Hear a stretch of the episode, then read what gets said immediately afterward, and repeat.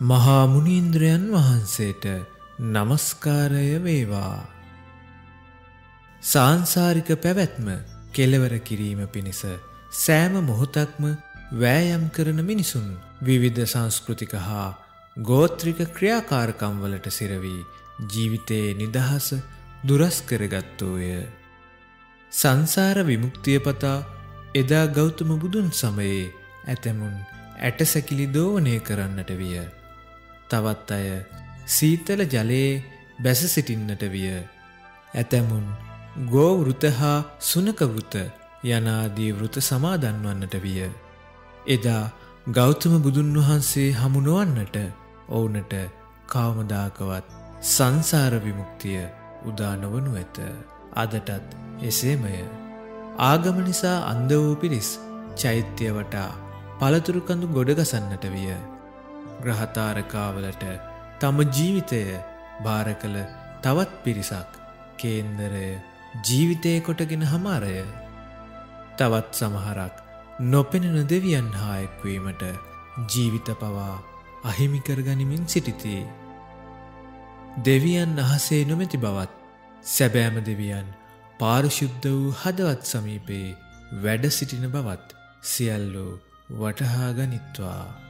ගැලවීම සොයා ජීවිත බිලිගනිමින් දුවන අංගුලිමාලලාහට නවතින්නට කාලයයි මේ.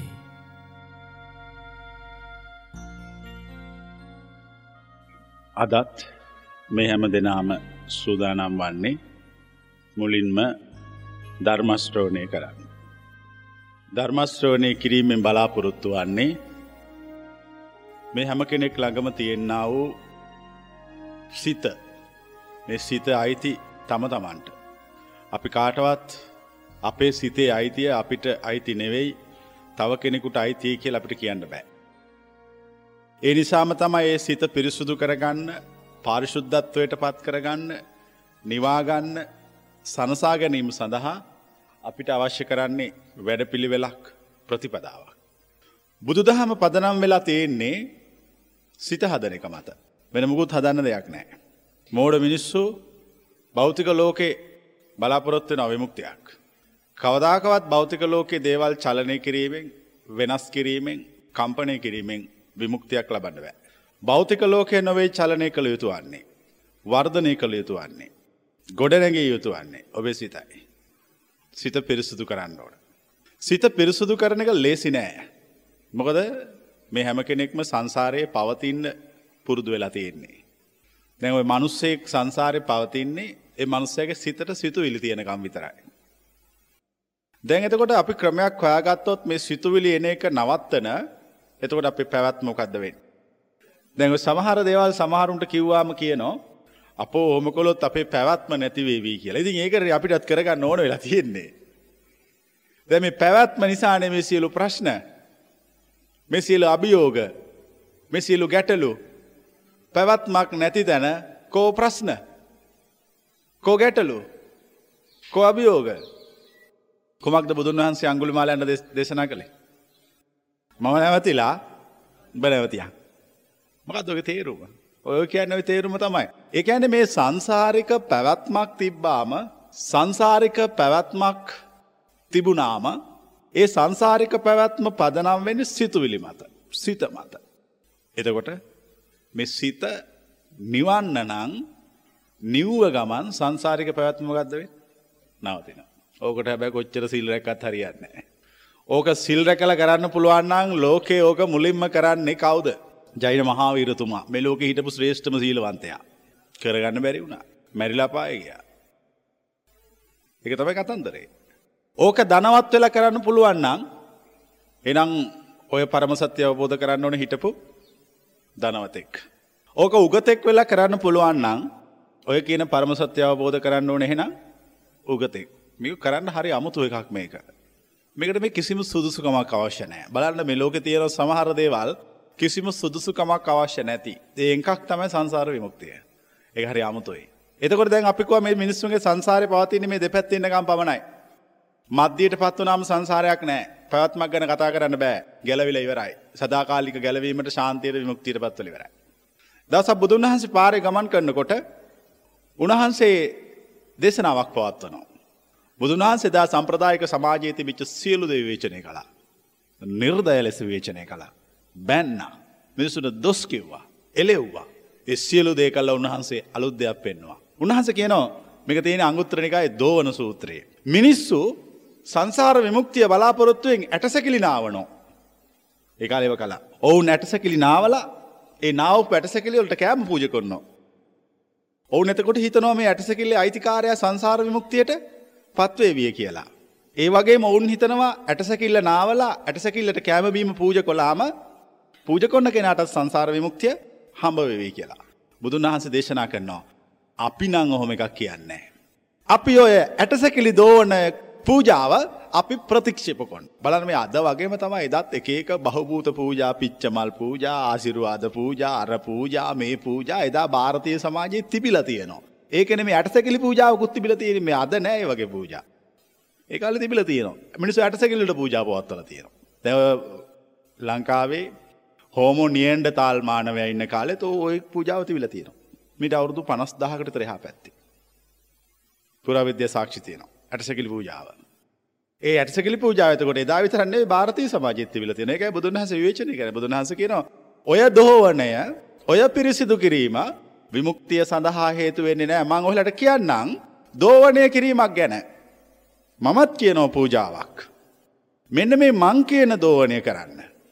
මොකක් දේ දෝවනය තම ඇතුලාන්තය දෝවනය කරගන්න. හරි ලේසින ඒක දැව යට සැකිලි හදලා දෝනය කරන්නගේ හම් කොච්චර අමාරුද. කොච්චර වෙහෙසෙන්න්න ඕනද. කොච්චර කැප වෙන්න ඕන දේ වෙනුවෙන්. ඇටසකිලි හොයන්න ඕන කෑල්ලෙන් කෑල අමුණන්න ඕන පේලියට තියන්න ඕන ඊට පස පූජාසන හදන්න ඕන පූජාවල් හොයන්න ඕන ඔක්කොට වඩා ලේසි ඔක්කොමටි ගත්තරල දාලා තමුන්ගේ ඇතුලාන්තය දෝනය කරගත්තාම. බුදුන් වහන්ස කියනවා මම ඔබලට කියනවා ඔබලාගේ ඇතුලාන්තය දෝවනය කරන ආර්ය දෝවනය ගැන.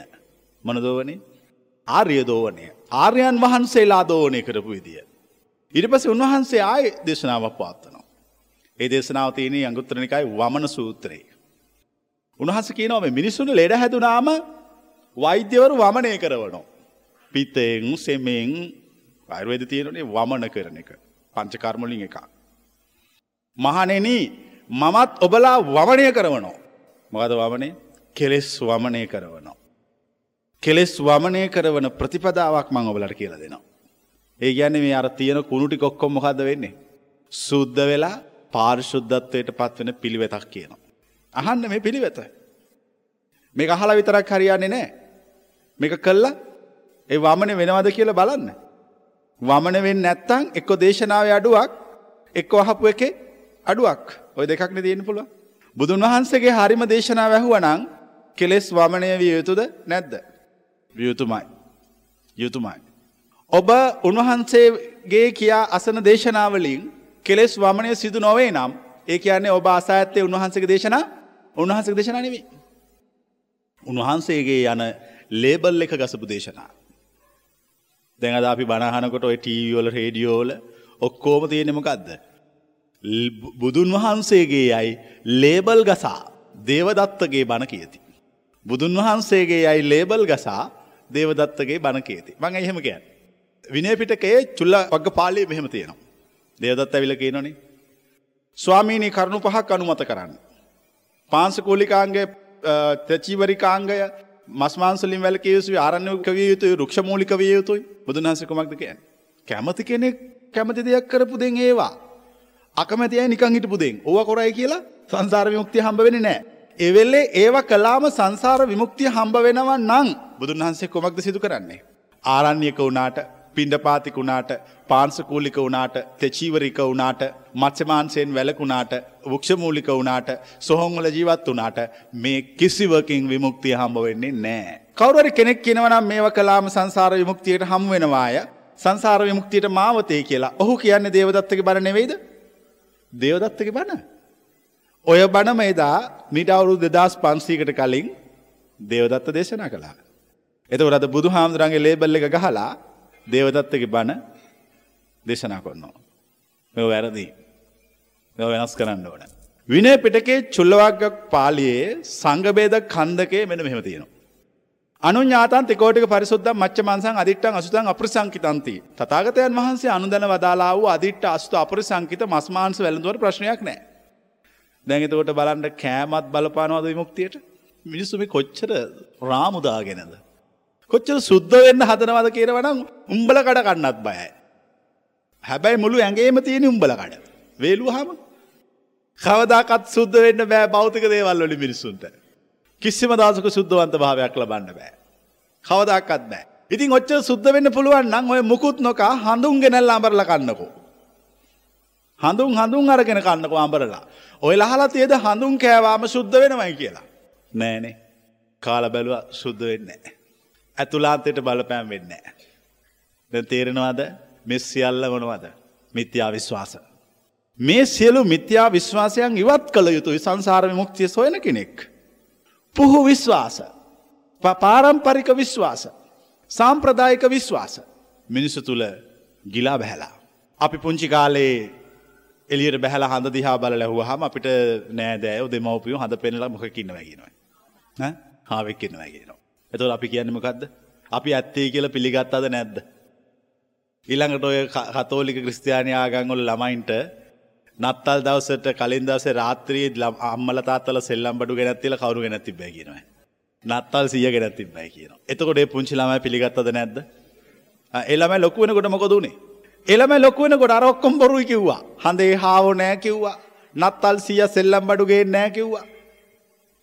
හැබැයි මේ සමාජයේ ඉන්න බොහෝ දෙනෙක් තාම ලොකු වෙලා නෑ. තාම බලාගෙනනෝ නත්තල් සිය සෙල්ලම් බඩුගේනකා. තාම හඳෙන් හාවා කිරී පැණිදෙනකම් බලාගෙනන්නවා. ඒ කියන්නේ මම එකින් අදහස් කරන්නේ ඥානවෘර්දියක් වෙලා නෑ. කායවෘර්දියක් වෙලා ඇඟපත ලොකු වෙලා උස්මහත් වෙලා වයස ගිහිල්ලා නාකි වෙලා කොන්්ඩෙත් ගිහිල්ලා හැබැයි මොලේ හැදිල නෑ ඥානය හැදිල නෑ. ද මේ දේශනාව බුදුන් වහන්සේගේ සැබෑම පණිවිඩය පදනම් වෙන කොමක් මතද. ඥානවෘර්ධයක් මතමයි. ඥානය වර්ධනය මතමයි. එතකොට ඔය කියන බුදුහාමුදුරුව දේශනා කරන ඔය තත්ත්ව ඔය මාර්ගඵල ඔය අරහත් බව බුද්ධහත්වය පච්චේක බුද්ධහත්වය මේ සියල්ල තියෙන කුමක් උඩද ඥානවෘදයක් උඩ ඥානය උඩ තියෙන්නේ.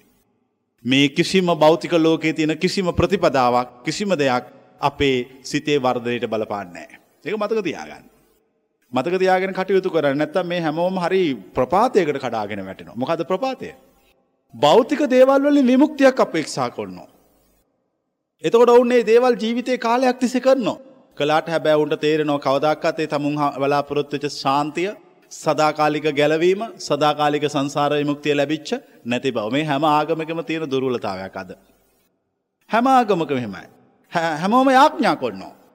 යාඥා කල විමුක්තියක් බලාපොරොත්තු වෙනවා. කවදක්තත් යාඥා කලාට විමුක්තියක් කම්බ වෙන්නේ නැහැ.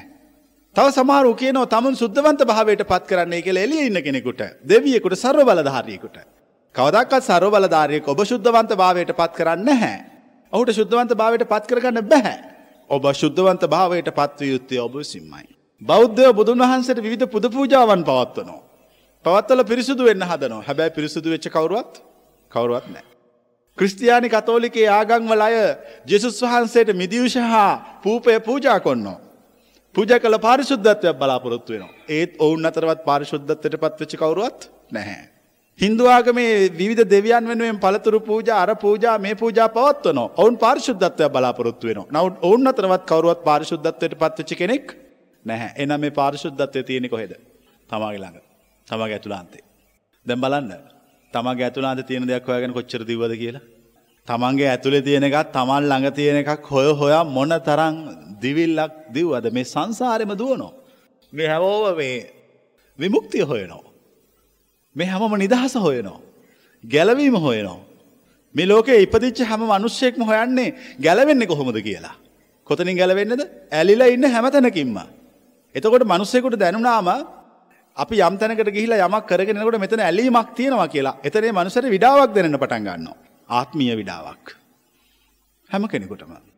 කොච්චර සුන්දර අත්දැකීමක් වුණ ජීවිත එක පාරකට දෙපාරකට තුම් පාරකට වඩා මිදිනකොට ඒක අත්තකිලමතානයෝගයක් වෙනවා. ලෝකෙ සදාකාලික කාමසුකල්ලිකාන යෝගවත් සදාකාලික අත්ත කෙළමතාන යෝගවත් දෙකම නැහැ. ඒ සියල්ල රඳා පවතින්නේ ඔබේ මනස ස්වභාවය මත. තේරුම් ගන්න මම මේ කියන දේශනාව. මේ හොඳර වටහ ගන්න. මේක වටහා ගත්ත හම දැඟතොට විමුක්ති හන කොහෙද යන්නේ. යනයක නවත්තනවා. එතකොට ඔබ තීරණය කරනවා ඔබගේ ආලෝකය ඔබ බව. අත්ත දීපා විහරත භික්කවේ අත්ත සරණ නානං්‍ය සරණ මහනෙන ඔබලාගේ ආලෝකය ඔබමයි. ඔබලාගේ සරණ ඔබමයි. අත්තහි අත්තනෝ නාතෝ කෝහිනාතෝ පරෝසියා. ඔබට පිහිට ඔබමයි. ඔබට අන්න අයගේ පිහිටක් කොයින්ද හරියට හරි දේශනාව. ඒ ගැන මේක සුද්ධ කරගන්නන කවුද දැ. දැඟක වල් කරගත්තෙත් කවුද. තියන සුද්ධ කරගැනීමේ අයිතිය හා වල් කර ගැනීමේ අයිතිය ඔබට ස්වබාදහම විසින් බාරදිලා තියෙනවා. කැමති කෙනෙකුට සුද්ධ කරගන්න පුළුවන් කැමති කෙනෙකුට වල් කරගන්න පුළුවන්. මතක තියාගන්න මේ මනුස්ස ලෝකෙ තියෙන දොරවල් දෙකක්. අපි ඒක දොරක් කැරිය හම ඒ දොර සදාකාලික අපායට දුගතියට අර වල් කරගත්තු අය. තව දොරක් කැරිය හම ඒක නිර්වාණයට ඒ සුද්ධ කරගන්න අයට. ඔබට දී හැම ඔබ මේ මනුස්ස ලෝක එනකොට යතුරු දෙකක් ඔබට දීලා තියෙනවා. යතුරු දෙකක් දීලා ඔබට කියනවා මේකෙන් ඇරියොත් අපායට. මේකෙන් ඇරියොත් නිවනට ස්වර්ගයට. ඔබට පුළුවන් මේ ඕන දොරක් කරගන්න.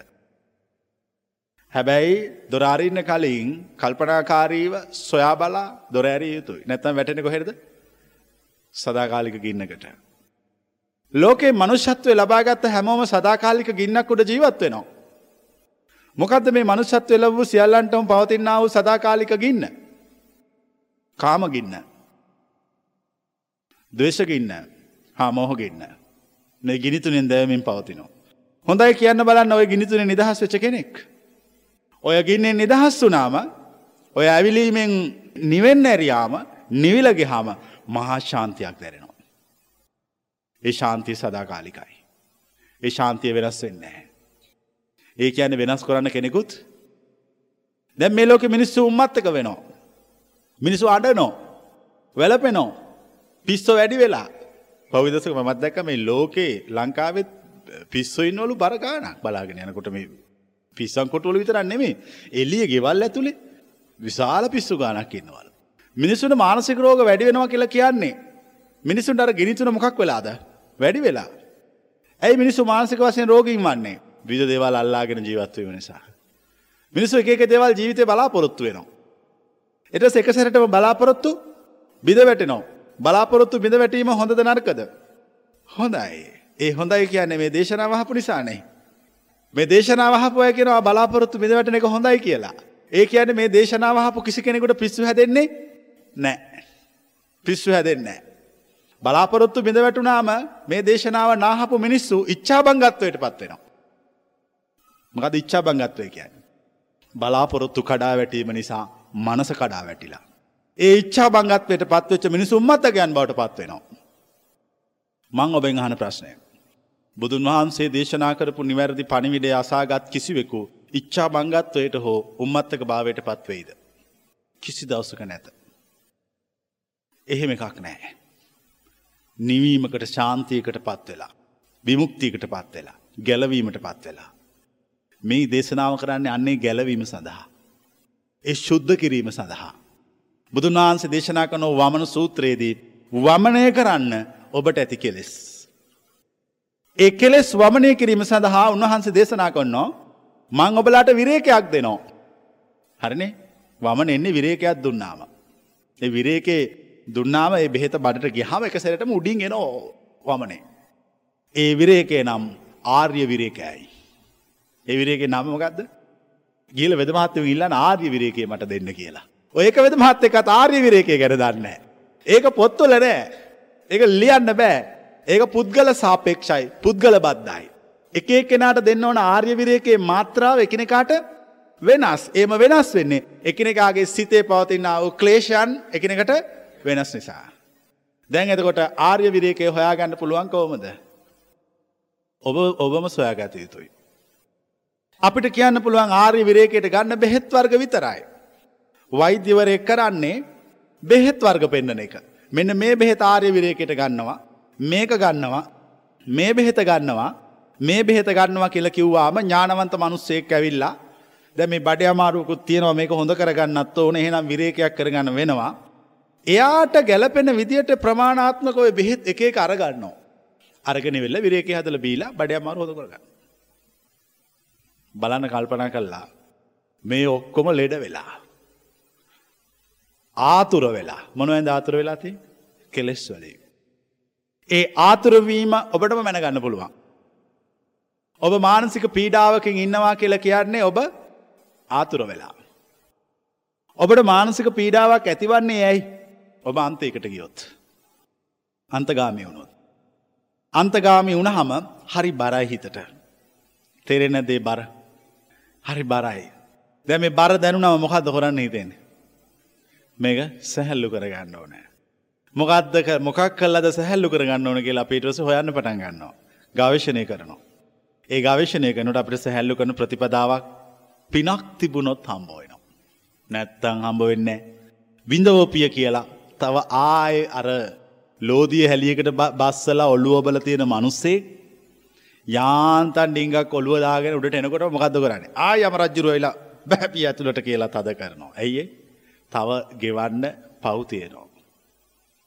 දැන් ඔබට තේරෙනවාද මේ කෙලෙස් නිවන ප්‍රතිපදාව.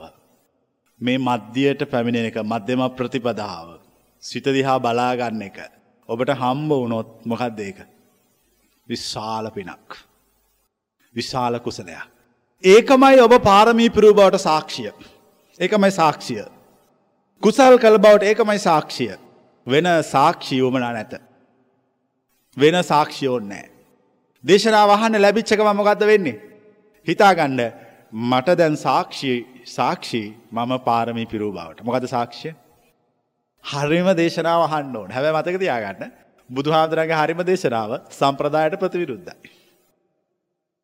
මෙම තියනක නෙේ තියනක හරිම දේශනාවන තියනෙ එක ඉන්න පැ රහතුම් ආදී මාර්ග පල්ලාබින්නම කවරුවන්න. ඒ බුද්ධ කාල හිටපු ඔක්කොම අය මේ දහම අවබෝධ කරපු අය හරි ප්‍රතිවිරුද්ධ ඒගොල්ලෝ. ඒගොල ඔක්කොම කියන අනි පැත්තට. ඒගොලු වැඩ කරන්නේ අනි පැත්තට. ඒගොලො හිතන්නේ අනි පැත්තට. ඒ අනි පැත්තට හිතනක හිදම තමයි ගොළු සංසාරය යන්නේ නැත්තේ. එක තේරුම් ගන්න. ඕගොල්ලො මේ තියෙන සම්ප්‍රදායට ගැති වෙලා සම්ප්‍රදායක රාමු ඔලුවට දාගෙන හිතන හින්දා ඒ රාමුව තුළ සංසාරය යනවා.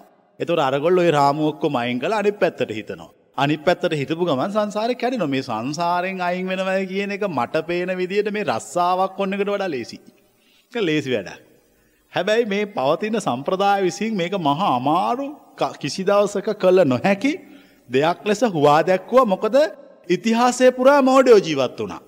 මෝඩයන්ට මේක අමාරුයි. මේක ඥානවන්තයකුට හරි ලේසි. මොකද ඥානවන්තයකුට තේරෙනවා මේක පෙරලන කරකවන විදිය. මෝඩෙකුට කවදක්කත්තේ පෙරලන කරකවන විදිිය තේරෙන්නේ නෑ එනිසා තම ඒගොලු ලියල තිබි පොත්තුල නිවන් දකින එක අමාරු කියලා. නෑ ලේසි. හැබැයි ඒක ලේසිවන්නේ ඥානයෙන් අගතැම්පත් වෙච්චායට පමණයි. ඥානය නැති මෝඩයන්ට මෙ හරි අමාරුයි. එනිසා දැන් අපි අපේ ඥානය කුළු ගන්වන්න ඕන. අවධි කරන්න ඕන. ඥානය අවධි කරන්න හරි ලේසි ක්‍රම මං කියල දෙන්න. කල්ලා අත්හදා බලල්ලා තේරුම් ගත්ත ක්‍රම. ලේසිම ක්‍රමය තමයි හැමතිස්සෙම සම්ප්‍රදායට ප්‍රතිවිරුද්ධ හිතන්න ඕන. සම්ප්‍රදායට ප්‍රතිවිරුද්ධව හිතනකොට ඔබ ලොකු අමාරුවක වැටෙනවා මොකද වැටෙන අමාරුව දැන් සම්ප්‍රදායට ප්‍රතිවිරුද්ධව හිතන්න ගියානේ. ඒ වනාට ඉන්න වෙන්න කොතනද. ඒ සම්ප්‍රදාය තුළනේ එතකොට ඔබට හදාගන්න වෙනවා ඒ සම්ප්‍රදාය තුළ ඉන්න වෙන ක්‍රමයක්. ඒ ඔබ හදන්නේ ආර්ය මාර්ගයයි. තෙරනොද මේ කියන එක ඒ ඔබ තුළ හැදෙන්නේ ආර්ය මාර්ගයයි බලන එක අමාරු නෑ මේ ආර්යමාර්ග හදන අමාරුන හැම තිස්ස මනි පැත්තට හිතුවාම ආර්යමාර්ගය හැදෙනවා අපිතුර. ඒනම් ආර්යමාර්ගය හදන්න තියෙන ලේසිම විදිිය තමා ප්‍රතිවිරුද්ධෝ කල්පනක් ඒගෙන සම්ප්‍රදාතක තරහද නෑ එහෙම ගන්න ඒක ඒක තියෙන මොනහර දෙවල් කරන්නකොත එකත් කොන්නවා. හැබැයි ඥානය තුළදි ඇතුලාන්තයේදී අපිට සම්ප්‍රදායක් ඒම ගන්න. අපි නිදහස් මිනිස්සු. එතවරහ මිනිස්සු ආගංගොලින් බෙදනවද නෑ. ජාතියොලින් බෙදනවද පක්ෂෝලින් බෙදනවද කිසි මේකින් බෙදන්නේ. මාර්ග පල අවබෝධ කළ කිසිම කෙනෙකුට අන්තවාදී කිසිවක් නෑ. අඩු ධර්ම දේශපාලන පක්ෂයක්කත් නෑ. ඇයි නැත්තේ එහෙම අන්තකට යන්න බෑ ඉවරව කැඩ්ල ඉවරයි. ඒ අන්තවාදී දේශපාලන පක්ෂයක්කත් නෑ. ඔහු ජාතිමාමකෙද්ද ගන්නේ. ඔහු ආගම්මාමකෙද්ද එහෙමකුත් නෑ. ඔවුදන්න එකමක සත්‍යයක් තියෙනවා ලෝකයේ කාලෙන් කාලෙට එකම සත්‍යය විවිධ හැඩතල මවාගත් අය ඇවිල්ලා. විවිධ ස්වරූපවෙන් වලින් විවිධ සංස්කෘති තුළ දේශනා කල්ලා ඔවුන් නික්මිලා යනවා. එතකොට ආගම් කියල පවතින්නේ සංස්කෘති විතරක් කියන එක ඔවුන් තේරුම් අරගෙන තියෙන. සත්‍යයේ පනිවිඩ හැමෝම කියන්නේ දෙකත් දෙකක්ද එකම එකක් කියන්නේ.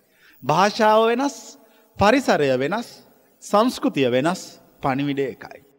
අවබෝධ කරන්න සියලු දෙනාම එකම එක සත්‍යයක්. ලෝකෙ සත්‍ය අවබෝධ කලා නං ඔහු අඳුනගන්න පුළුවන් ඔහු කියනවා සියලු ආගමික ශාස්තෘවරු මේක දැනගෙන සිටිය අය කිය. ඔක්කොම ගැන මොකක් හරි එකක් මොකක් හරි එකක් දන්න. එකින් අල්ල ගන්න. දැ මෙහ මැනකොට දැන් අපිට අවශ්‍ය කරන අපේ සිත හදාගන්න සිත පිරිසුදු කරගන්න. සිත පිරිසුදු කරගන්නම් සිතේ තියෙන ප්‍රධාන අකුසල්තුන අඳුරගන්න ඕන. මේ තුන සුද්ධ වෙන්න ඕන. මොකද තුන අභිජ්ජා ව්‍යාපාද මිච්ඡාදිට්ටි. මොකද අභිජ්ජා කියන්නේ ලෝභය ලෝභය අත්තරින්න.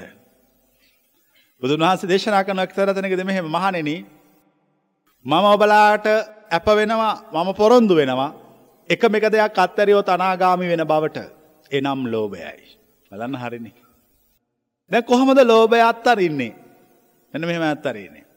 දැන් ඔබ ඔබේ ජීවිතේ ලෝභ වෙන දේවල් කල්පනා කරන්න. මම මේකට ආසයි. මම මේ දේවල් වලට ආසයි. මම මේකටත් ආසයි. දැන් ඊට පස්සේ කල්පනා කරන්න මම මේ දේවල් වලට ආසයි. මම මේ දේවල් වලට ආස නැහැ. මම මේ දේවල් වලට ආසයි කියලා හිතලා මේ දේවල් මං හිතන විදිහට තියෙනවද? මං කියන විදිහට තියෙන්නේ නැහැ. මේ දේවල් වලට මං ආස නැහැ කියලා හිතලා මේ දේවල් මං කියන විදිහට තියෙනවද? තියෙන්නේ නැහැ.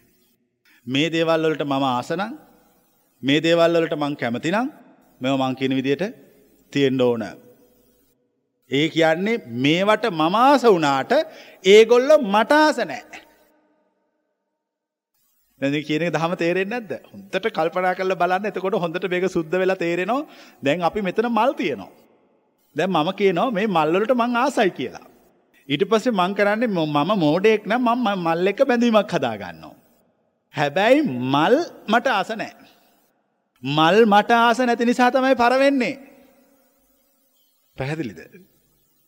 නැත ඉතින් මල් මට ආසනං මල් මම් වගේ මොහොම්ම කලබල වෙන්නතු පර නොවී තියෙන්න්න ඕන. දැන් ඔබ කල්පනා කරන්න. ඊට පස්ස මෙතන තියෙනවා මේ පාපිස්සක්. මම කියනවා මම මේ පාපිස්සට ආස නෑ කියලා. මම මේ පාපිස්සට ආස නෑකිවට මේ පාපිස්ස දිරන්න නැද්ද? දිරනෝ. දැන් බලන්න මල් පරවෙනවා පාපිස්ස දිරනවා. ඒ කියන්නේ මේ දෙගොල්ලොම එකම දහමකට එකම දහමකට ලක් වෙනවා. මෙතන ඉන්න මෝඩයා කවුද එහෙනම්? මමනේ මෝඩයා. ඇයි? මේ එකම දහමකට ලක්වෙන දේවල් දෙකක් දිහා බලලා දෙවිදියකට සිතනවා. මම හන්නේ. මොකට දාස වුනේ. මොකට දාස නැති වුණේ. ඔය දෙක මත්තරන්න. ඔය දෙක මත්තරලා මල්වලට නිදහසේ පිපෙන්න දෙන්න හා පරවෙන්න දෙන්න. පාපිස්සර නිදහසේ හැදෙන්න දෙන්න හා දිරන්න දෙන්න. ඔබ නිදහස් වෙන්න. දැන් තේරෙන් නැද සාන්තියක්. දැන් තේරෙ නැද ලොකු උත්සාහනයක්. දැන් කෝවා ආසකරපු දේවල්. ආසකරපු දේවල් පස්සේ දුවන්න හිතෙන්නේ. ඇයි ඒ ආසකරපු දේවල් මට ඕන විදියට පවතින්නේ. තියෙන්. දැන් ඒ ආසකරපු දේවල් ඔබ හිතන විදියට ඔබට අවශ්‍ය විදියට නොපවතිනවනං එතකොට ඔබට අවශ්‍යදිට පවතින්න ඕනේ කියලා හිතාගෙන හිටියහම ඔබට ඇතිවෙන්න මොකක්ද. ලොකූ දුකක් ඇති වෙන. දැන් අපිතු ළමයක්කින්නවා. දෙමපයෝ කියන ඔය ළමයා ඉන්න ඕන මේ විදියට. ඔලම පන්තියන්න ඕන මේ වෙලාට. ඔලම ස්කෝලයන්න ඕන මේ වෙලාට ඔලබ ගෙදරෙන් ඕන මේ වෙලා. ඉරිස ඒලම ඒව කියදව කරන්න එලබ කොහර වෙන හව රෝන්දෙකුත් ගහල වෙනක හැර ගීලට කවස්සල රෑවෙල ගෙදරන දැකර දෙමපම කතවර. අල්ලමයට බයිනෝ. ඇයි බනින් දෙමවපයෝ හිතනවා තමුන් කියන විදියට මේලාමය ඉන්න ඕනේ කියලා. එහෙම වෙන්නේ නෑ. එහෙම වෙන්නේ නෑ ඔබ කල්පනා කර නොබෙල්ලම කාලය ගැන. ඔබේ දෙමවපිය ඔබට කියපු විදියට ඔබ හිටියද? හිටියද? අතුත්සන් වල එහෙම හිටපු කෙනෙක් ඉන්නවනේ. මම නම් හිටියා ඒ කියපු විදියට. එහෙමින් නැහැ. ඉතින් එහෙම එහෙම කල්පනා තමුන්ගේ ළමා කාලය ගැන කල්පනා කරන්නේ නැතුව මොකටද මේ කොහෙවත් ඉන්න තරුණ ළමයින්ට බනින්නේ දොස් කියන්නේ? ඒ තැන්වලදී මධ්‍යස්ත වෙන්න. උපේක්ෂා සහගත වෙන්න. මම සෙන් කතාවක් කියන්නම්. ඒක සෙන් පන්සලක හිටියා සෙන් ගුරුවරයෙකුත් ශිෂ්‍යෝ පිරිසකුත්. මේ ශිෂ්‍යව අතර හිටිය මහා දඩබ්බරයෙක්. මෙ හැමදාම රෑට පයිනොත් තාප්පෙන් පැනලා හැම්මත් තැනම ඇවිදිනවා. ඇවිදල ආයි තාප්පෙන් පැනලා උදේට පන්සලේ. පනින්නේ කනප් ඇත්තියලා කනපුවත් තියල ඒකුරන කළ තාපෙන් පැනල ඇවිදින්න කියල රෑට ඇවිලා දවසක් ඒ පන්සල හිටපුේ ගුරුතුමා නායක නායකයා දැනගත්තා සෙන් ගුරුවර මැ ප්‍රෑට යන බව. එයාකව අපට හෙතපන් හිද පාටමක්කු ගන්නන්නම්ම. මෙයාට පැනල යන්න ඇරියා. ගුරුවරයා කරදේ කනප්පය අයින් කල්ල පිට අල්ලගෙන හිටිය කනප්ප වෙනුවට.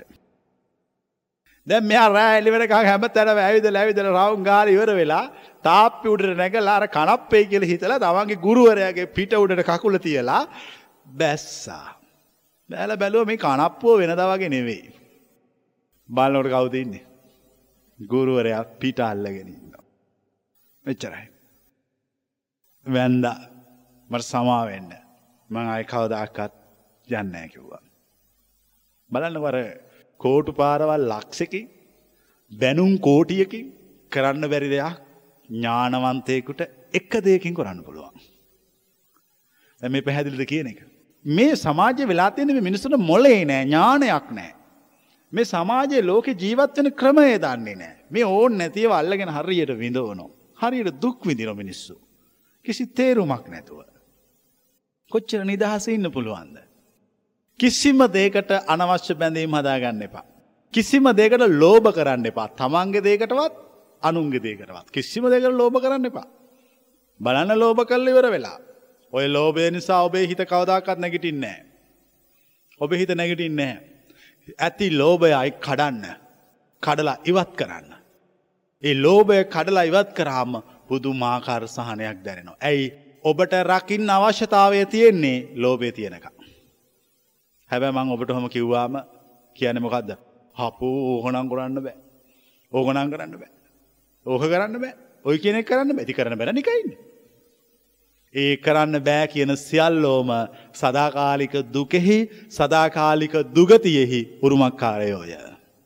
ඔවුන් සියල්ලෝම සදාකාලික දුකෙහි අයිතිකාරයෝ. අමාරුවෙන් හරි මං එක කොහොමහරි කරනවා. මං මේ ලෝබය කොහොමරි කඩනවා කියලා හිතාගන්න මිනිස්සුම සදාකාලික ශාන්තියේ අයිතිකාරයෝය. එනි සවබ අයිතිකාරයක් වෙන සදාකාලික ශාන්තියට.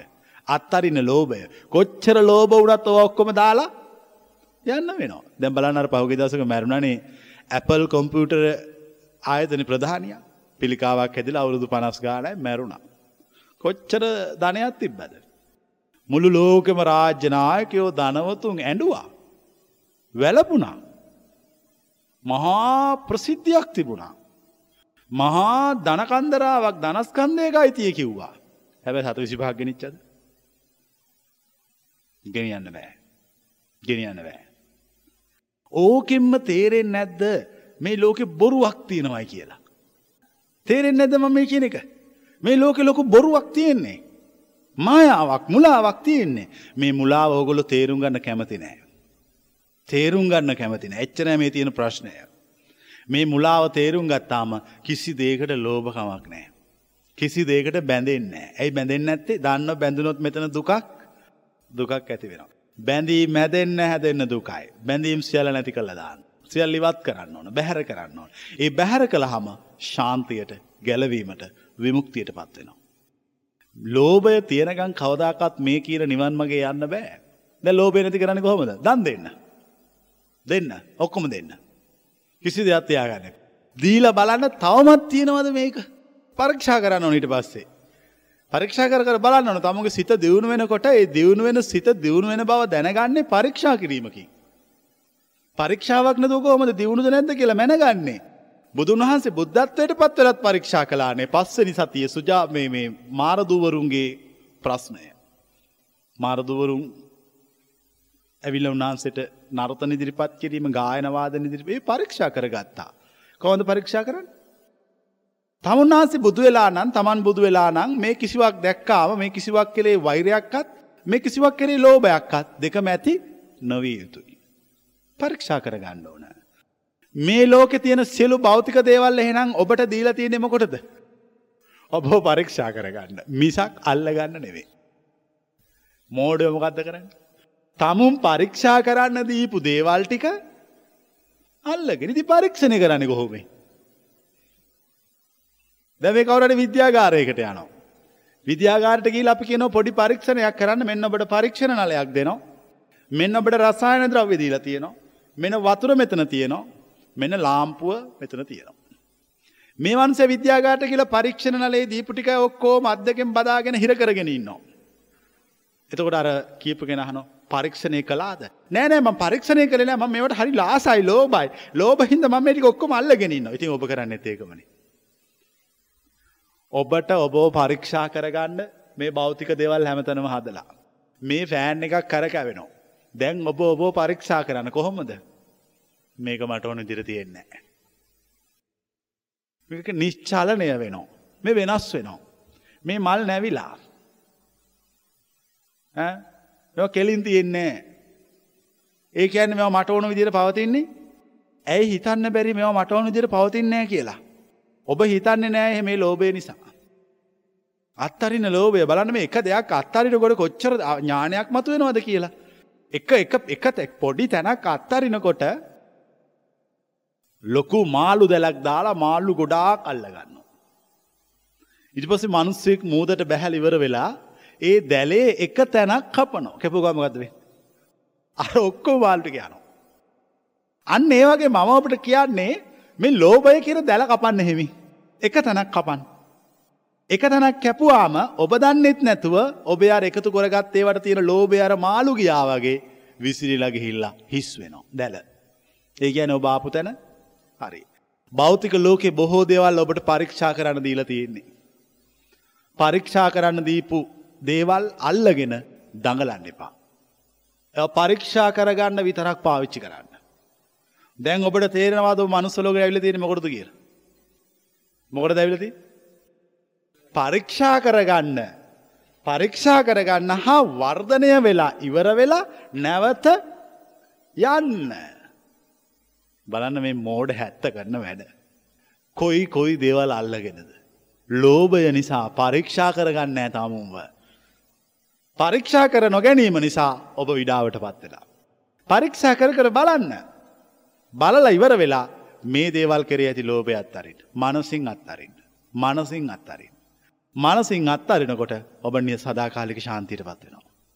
හරි ලේසිනේ නිවන් මග දැන් තේරෙ නැත මේ කියන එක හරිම ප්‍රායෝගිකයිනේ. ද මහප්‍රාණමකක්ත් ඕනද අපි ධර්ම පිටකේ සජ්ජායනා කරන්න ඕනද සූවිසි ප්‍රත්තිය කටපාඩමින් කියන්න ඕනද මොකක්ත් ඕන්න හැ. හරි ලේසි. හරි නිදහස්. හරි පැහැදිලි. හරිම ප්‍රායෝගිකයි. ඕක තමයි බුදුන් වහන්සේ දේශනා කරපු දේශනාව. දැන් ඔය දේශනාව ඇහුවාම අහන ඕනම මොලේ තියෙන මනුස්සයෙක් මොකක්ද වෙන්නේ. ඔය ඔක්කොම අත්තරලා ඔක්කොම අත්තරලා මේ දේශනාව පස්සේනවා. සියල්ල අත්තරලයිනවා. එතකොට ඔවුන්ට තේරෙනවා අපි මනුස්ස ලෝකෙට ඇවිල්ලා තියෙන්නේ මොකටවත් නෙමෙයි. රස්සාවල් කරන්නවත් ළමයි හදන්නවත් ගෙවල් හදන්නවත් මේකටවත් නෙමෙයි. අපි ඇවිල්ලා තියෙන එකම එක දෙයකට අපිව පරීක්ෂා කරගෙන අපේ පරීක්ෂණයෙන් අපි සමත් වෙලා නැවත ගමන් කරන්න පාරිශුද්ධත්වයට. ශුද්ධ භාවයට. සදාකාලික විමුක්තියට ගැලවීමට. නමුත් ඒක මිනිස්සුන්ට නොතේරෙන්නේ නැහැ. ඒක තේරුම් ගත්තකම මිනිස්සු සියලු දේ අත්හැරලා නිදහස් වෙනවා. විමුක්තියට පත් වෙනවා. මේ ස්වබාදහම තියෙන හැම දෙයකින්ම ඔබට සංසන්ධනය කර කර පරීක්ෂා කරන්න. මේ පරීක්ෂණ නලවලට ලෝභ කරන මනුස්සයාට කවදක්ත් පරීක්ෂණය කරගන්න හම්බවෙනි නෑ වගේ ඔබට මේ නිවන්මග යන්න හම්බ වෙන්නේ නෑ. හිත නිදහස් කරගන්න. ලෝභය අත්තරින කිසිම දෙකට ලෝභ වෙන්න එපා ලෝභ වෙලා ඉන්න. ලෝභ වෙලා ඉන්න මනුස්සෙකුට කවත් දාකත් නිවන්මග යන්න බෑ. උපමාවත් තියෙනවා. ජස්වාන්ස කියනවා දවසක් හරියට පෝසතෙක් මං මේ කියන තැනට එන එක ඔටුවෙක් ඉන්දිකටු සිදුරක් තුළින් යනෝ වගේ වැඩක් මමත් ඒකම කියනවා. මමත් ඒකම කියනවා. මමත් කියනවා. ලෝභකම අත්හරින්න බැරි මිනිහෙකුට මං මේ කියන සුන්දර තැනට එන එක ඔටුවෙක් ඉදිකටු සිතුරකින් රිංගන්න පුළුවන් හැබැයි එමිනිහට එක කොරගණ්ඩ කරගන්න හම්බවෙන්නේ. මම මේ කියන දහම තේරුම් ගන්න. දැන් තේරනවා මේ ලෝභකම විසින් අපිට විශාල හානියක් කල්ලා තියෙනවා. මොකද හානිය අපිට අපිෝ පරීක්ෂා කරගන්න දෙන්නේ නෑ. අපිට අපේ හිත වර්ධනය කරගන්න දෙන්නේ නෑ. හිත සංවර්ධනය කරගන්න දෙන්නේ නෑ. දෙන්නේ නැතුව අපි හිර කල්ල තියලා තියෙනවා. දැම කඩන්න. අත්තරන්න කිසිම දෙකට ලෝභ කරන්න එපා. තමුන්ගේ ශරීරයටවත් ලෝභ කරන්න එපා. වැඩක් නෑ. ආස කරන්න එපා. වැඩක් නෑ. ආස කළත් නොකොලත් වෙන්න ඕන දේවල් ටික භෞතික ලෝකේ සිද්ධ වෙන නවත්තන්න බෑ. ඉතින් නවත්තන්න බැරි දේවල්වලට මොකටද මේ ආස කරන්නේ? මොකට මේවල් ගැන බැඳෙන්නේ? මේ සියලු දේ මමත්වය නිසා පවතින්නේ. මේ හැමෝලඟ මත්වේ තියන මත්වේ තියනකන්තම මේට බැඳෙන්නේ දැන් බලන්න කවුරු හරි මිනිස්සු මැරෙනවා. මැරුණා මඩන්නේ ඇයි? ඒ මැරුණා මඩන්නේ යා මැරිච්ච නිසා නෙමෙයි. එයා මැරුණාම ඔබට නොලැබෙන දේවල් ගැන කියලා. නැද්ද? ඔබට අහිමි වෙන දේවල් ගැන කියලා අඬන්නේ. අපිට කන්න දුන්නා. ඒතොර එයා ඔබටනේ කන්න දීලා තියෙන්නේ. ඒකනේ ඔබ අඬන්නේ. මැරිච්ච නිසා නෙමෙයි අඬන්නේ මොකක් හින්දාද? කන්න දීපු හින්දා. දැන් තේරෙන්නේ නැද්ද? මේ ලෝකෙම ලොකු බොරුවක් උඩ තියෙයි කියලා. ඈ? දැන් විලි ලැජ්ජාව තියෙනම් මිනිහෙක් මරුණාම අඬන්න පුළුවන්ද? අඩන්න බෑ ඇයි අඩන්න බැරි. අපිට තේරනවා අඩනකොට මේ අපි අඩන්නේ අපිට හම්බෙච්ච දේවල් නැතිවෙච්ච නිසා මිසක් මේ අම්ම තාත්තවත් මැරුණට නෙවෙයි. මං කෙනක තේරෙනවද. ඒ ඔක්කොම කිය කිය අඩන්න අපිට කන්න දුන්න අපිට ඉගැන්නවා අරෝමවන කියන්නේ. එතකොට මේ ලෝක මැරෙන්නේ ඒවායසය ඒ වගේ එක්කෙනාද. ඇයි අනිත්තය මැරුණා මඩන්න ඇත්තේ. ආන දැන් ඔබ තේරුම් ගන්න ඔබේ පවතින්නා වූ සදාකාලික දුරුවල වූ තැන. තේරුම් අරගෙන එක කඩන්න. එක කැඩුවම තේරනවා මේ අපි බොරුවකට අහුවෙලා ඉන්නේ. හරි නිදහස් එතකොට. හරි නිදහස්. එතොට කිසිම දාහයක් නෑ මොකද දාහය කියන්නේ දැවිල්ලක් නෑ. පිච්චිල්ලක් නෑ. හරිම ගැලවීමකට පත් වෙලා. නිවීමකට පත් වෙලා. එ නිවීම සොයන්න. ඒ සොයන පියවරේ වැදගත්ත නැත්තමයි ලෝබය අත්තරන්න. ලෝබය අත්තරින් නැතුව මේක යන්න යන්න බෑ. යන්න බෑ. දෙවනික තමයි තරහයන ගත් ඇරෙන්න්න ඕන අත් ඇරෙන්න්න ඕන අත් අරින්ට බෑ අරින්න ඕන කියන ඒත් තරහ ගිහිල්ලා. තෙරුණද කියන එක අත් ඇරෙන්න්න අරන්න. එතවට මනුස්සේකුට තරහයන එක අත් ඇරෙන්න්න නං ඔහුට තරහ ගිහිල්ල තියෙන්න්න ඕනද නැතුව කෙනෙක් වෙන්න ඕනද. තරහ ගිහිල දන්න ඕන ඒකයි මේ මේ ක්ලේෂයන්ගේ අයින්වෙන්න ඕන වෙන්නේ මේ සියලු ක්ලේෂයන්ට කියපු කෙනෙකුට නැත අයිමෙන්න්න ඕන නෑන. දැන් එතකට තරහ කියයාම තේරෙනවා මේ තරහ යන්නේ ඇයි ඔබ හිතනවා ඔබ හිතන විදියට භෞතික ලෝකය පවතින්න ඕනේ කියලා. නැද්ද දැන්ගොන අපි හිතමු කවුරු හරි කියන අපිට තේ එකක් ගේන්න කියලා. එතකොට ඒ පනුස්සයක් තේ නෙමෙයි. කිරිපි කිරි එකක් හදාගෙනනවා. ඇල්ල දෙනවා. එතකොට අන්මසහන ම මට දැන් තේන ගේනෙක නෑද මං වැඩි හොඳට කිරිගෙන මොකොට එඹ කිරිගෙන මන් තේන ගේන කිවේ. මම අහන්නේ මොකොට දර මෝඩයා තේ ගෙනේවී කියලා බලාපොරොත්තුවෙන් හිටියේ. දැන් එතකොට මේ තරහයන්නේ ඇයි තරහයන්නේ ඇයි මේ තරහ ඔබට එන්නේ ඔබ එකක දේවල්වේ බෞතිකලෝගෙන් බලාවොරොත්තු වෙනවා. විවිධාය ඔබේ ඥාතීන් ඔබේ හිතවතුන් ඔබට සලකාවී ඔබට කිය ඔබ කියන විදියට ඉඳීවි ඔබ කියන දේවල් කරාවී කියල බලාපොරො. හැබැයි කිසිවේ කිසිවෙකුත් කියන දේවල් නොව ඔවුන් ඔවුන්ට අවශ්‍ය දේවල් කරනවා. මෙතන ඉන්නවද කවරුහරි කෙනෙක්? නෑ නෑ නෑ. ඒ අන ඒ මම කියනෙක් කෙනන කරන්න මම කියන දේවල් විතරයි කියලා අත උත්සන්න පුළුවන්ගෙන ලෝකගොවන්නෑ එවෙන්නේ මෝඩයෝ එහෙම වෙනවයි කියලා චිත්‍රදාගෙනන්න සීමාරාමු දාගෙනන්න තරහයන්න ඒක නිසා. දැන් බලන්න කිසි දෙයක් ගැන අපේක්ෂා කරන්න එපා. කිසි දෙයක් ගැන බලාපොරොත්තු තියාගන්න එපා කිසි දෙයක් ගැන අපේක්ෂාවක් නැති බලාපොරොත්තුවක් නැති කෙනෙකුට තරහය මේ වේගේ මොකක්ද වෙන්නේ එක සැරටම කඩා වැටෙනවා ඒ ගැන සෝතාපන්න භාවයට පත් වෙලා. දැන් ඔබට තේරනවද සෝතාපන්න භාවය යනු අපේක්ෂා ඉවත් කිරීම කියලා. තේරනවද මං කියන එක. අපේක්ෂා කඩා දැමූ තැන ඔහුට පුළුවන් මේ කියන මාර්ග පලැන්ට පත්වේ. ඔහුට අපේක්ෂාවක් නෑ. බලාපොරොත්තුවක් නෑ. හිටගත්තත් වාඩි වුණත් ඇවිද්දත් ඒ කිසිම ඉරියාවක් පිළිබඳවත් බලාපොරොත්තුවක් නෑ. සූත්‍ර පිටකයේ සඳහන් වෙනවා අංගුත්තර නිකායේ නාග සූත්‍රයේදී. බුදුන් වහන්සේට කියනවනේ නාග කියලා නාග කියන ඇතා කියනකෙන මහ ඇතා. එහි සූත්‍රය සඳහන් වෙනවා. උන්වහන්සේ කිසිම දෙයක් පිළිබඳ අපේක්ෂාවෙන් අපේක්ෂාවක් නැතුව වැඩ සිටින සේක. දැඟට බුදුන් වහන්ස කෙන තේරෙනවන්න. කිසිම දෙයක් ගැන අපේක්ෂාවක් නැතුව වැඩ සිටිනවා. බලන කල්පනා කරලා. ඒ වගේ වෙන්න.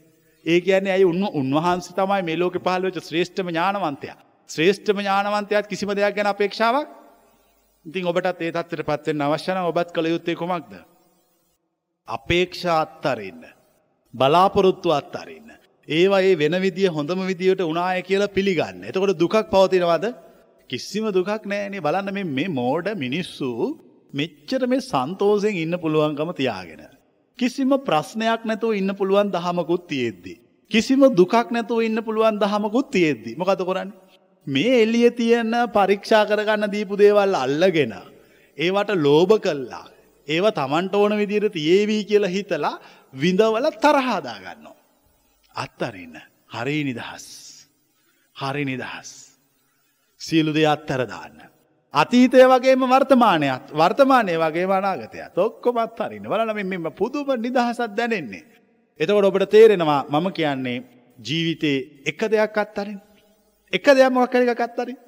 එක දෙයක් අත්තරල ඉවෙරල පරීක්ෂා කළ බලන්න මට කොච්චර සහනය ඇත දැන් දැනෙන්නේ. මං ලොකූ ශාන්තිකට පත් වුණා. එහෙනම් මන් දැන් ඊළඟ එකත් ඊළඟ එකත් මං කොහොමරි අත්තරෙන්ඩුව. මේ ලෝකේ ඔබෝ පවතින්නේ අල්ල ගන්න නිසා.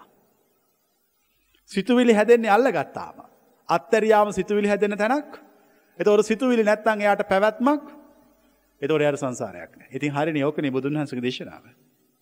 බුදුන් වහන්සේ පෙන්න්නපු නිවැරදි මාවතට නිවැරදි පාරට එන්න. ඒ පාර සම්ප්‍රදායික බුදු හම තුළ නෑ. ඒක තුළ තියෙන්නේ මල් මල්ම පූජ කරමින් දානෙ දෙමින් පාන්ස කූලෝරෝමයෝ කරමින් ඉන්න එක.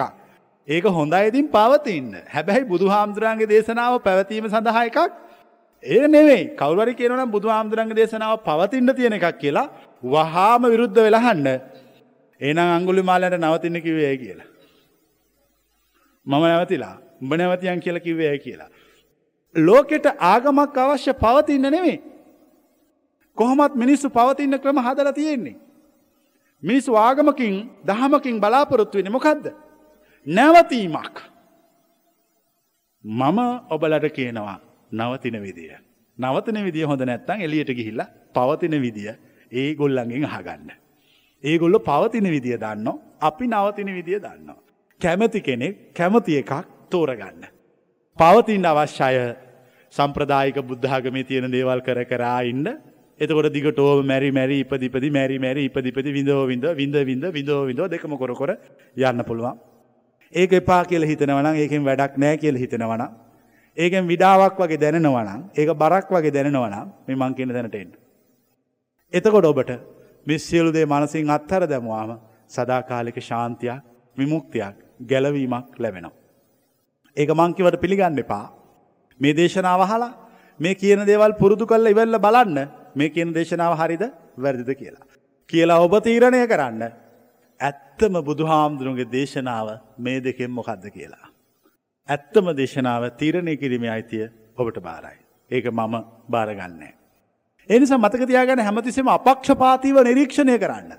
කිසිම ඉදයක් නිසා පිළිගන්න එපා. මා සමනෝ ගරූති. ශ්‍රමණයාට ඇති ගෞරවය නිසාවත් පිළි නොගත යුතුය. මා කෙරෙහි ඇති ගෞරවය නිසාවත් පිළි නොගන්න. පිළි නොගන්න. කල්පනාකොට විමසා බලා ඥානවන්තව කල්පනාකොට විමසා බලා පමණක් මා කියන දෙය පිළිගන්න. එවිට ඔබට තේරේවි සත්තිකුමක්ද අසත්තිකුමක්දැ කියා.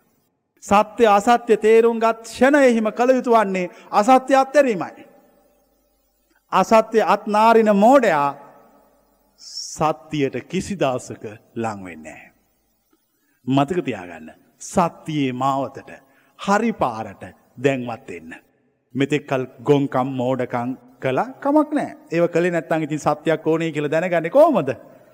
ජීවිතය වැරදුන් නැත්තං හරිගස්ස ගන්න කොහොමද. ජීවිතේ වැඩියෙන්ම වරදින කෙනා තමයි වැඩියෙන්ම හරිගස්ස ගන්නේ. ජීවිතේ අහිමි වෙන කෙනාට තමයි හම්බ වෙන්නේ. ජීවිතය සියල් අහිමි වෙන කෙනා තමයි බුදු වෙන්නේ. සියල් අහිමි වෙන කෙනා තමයි අවසානයේ බුද්ධ කියලකයන්. ඇයි අහිමිවීම සන්තෝෂ කරගත් මනුෂ්‍යයාට සියල්ල අහිමි වුණාම ඇත්තේ සියල්ල හිමිවීම පිළිබඳ සන්තෝෂයක් පමණි ඔහු බුද්ධ නමින් හඳුන්වයි. දැන් තේරෙනවද කියන එක. දැන් භෞතික දේවල් එක තුනහම සියල්ල හිමි වුණාම පාලනය කොරගන්න ටික බරයිනේ. අහිමිවීම හිමි වුණාම. අහිමිවීම හිමි වුණාම පාලනය කොරගන්න ලේසි. ඒ සන්තෝසය කවදාකත් නැතිවෙන්නේ. ඒක තමයි ගැන අහිමිවීමෙහි අයිතිකාරයා බුදුන් වහන්සේය.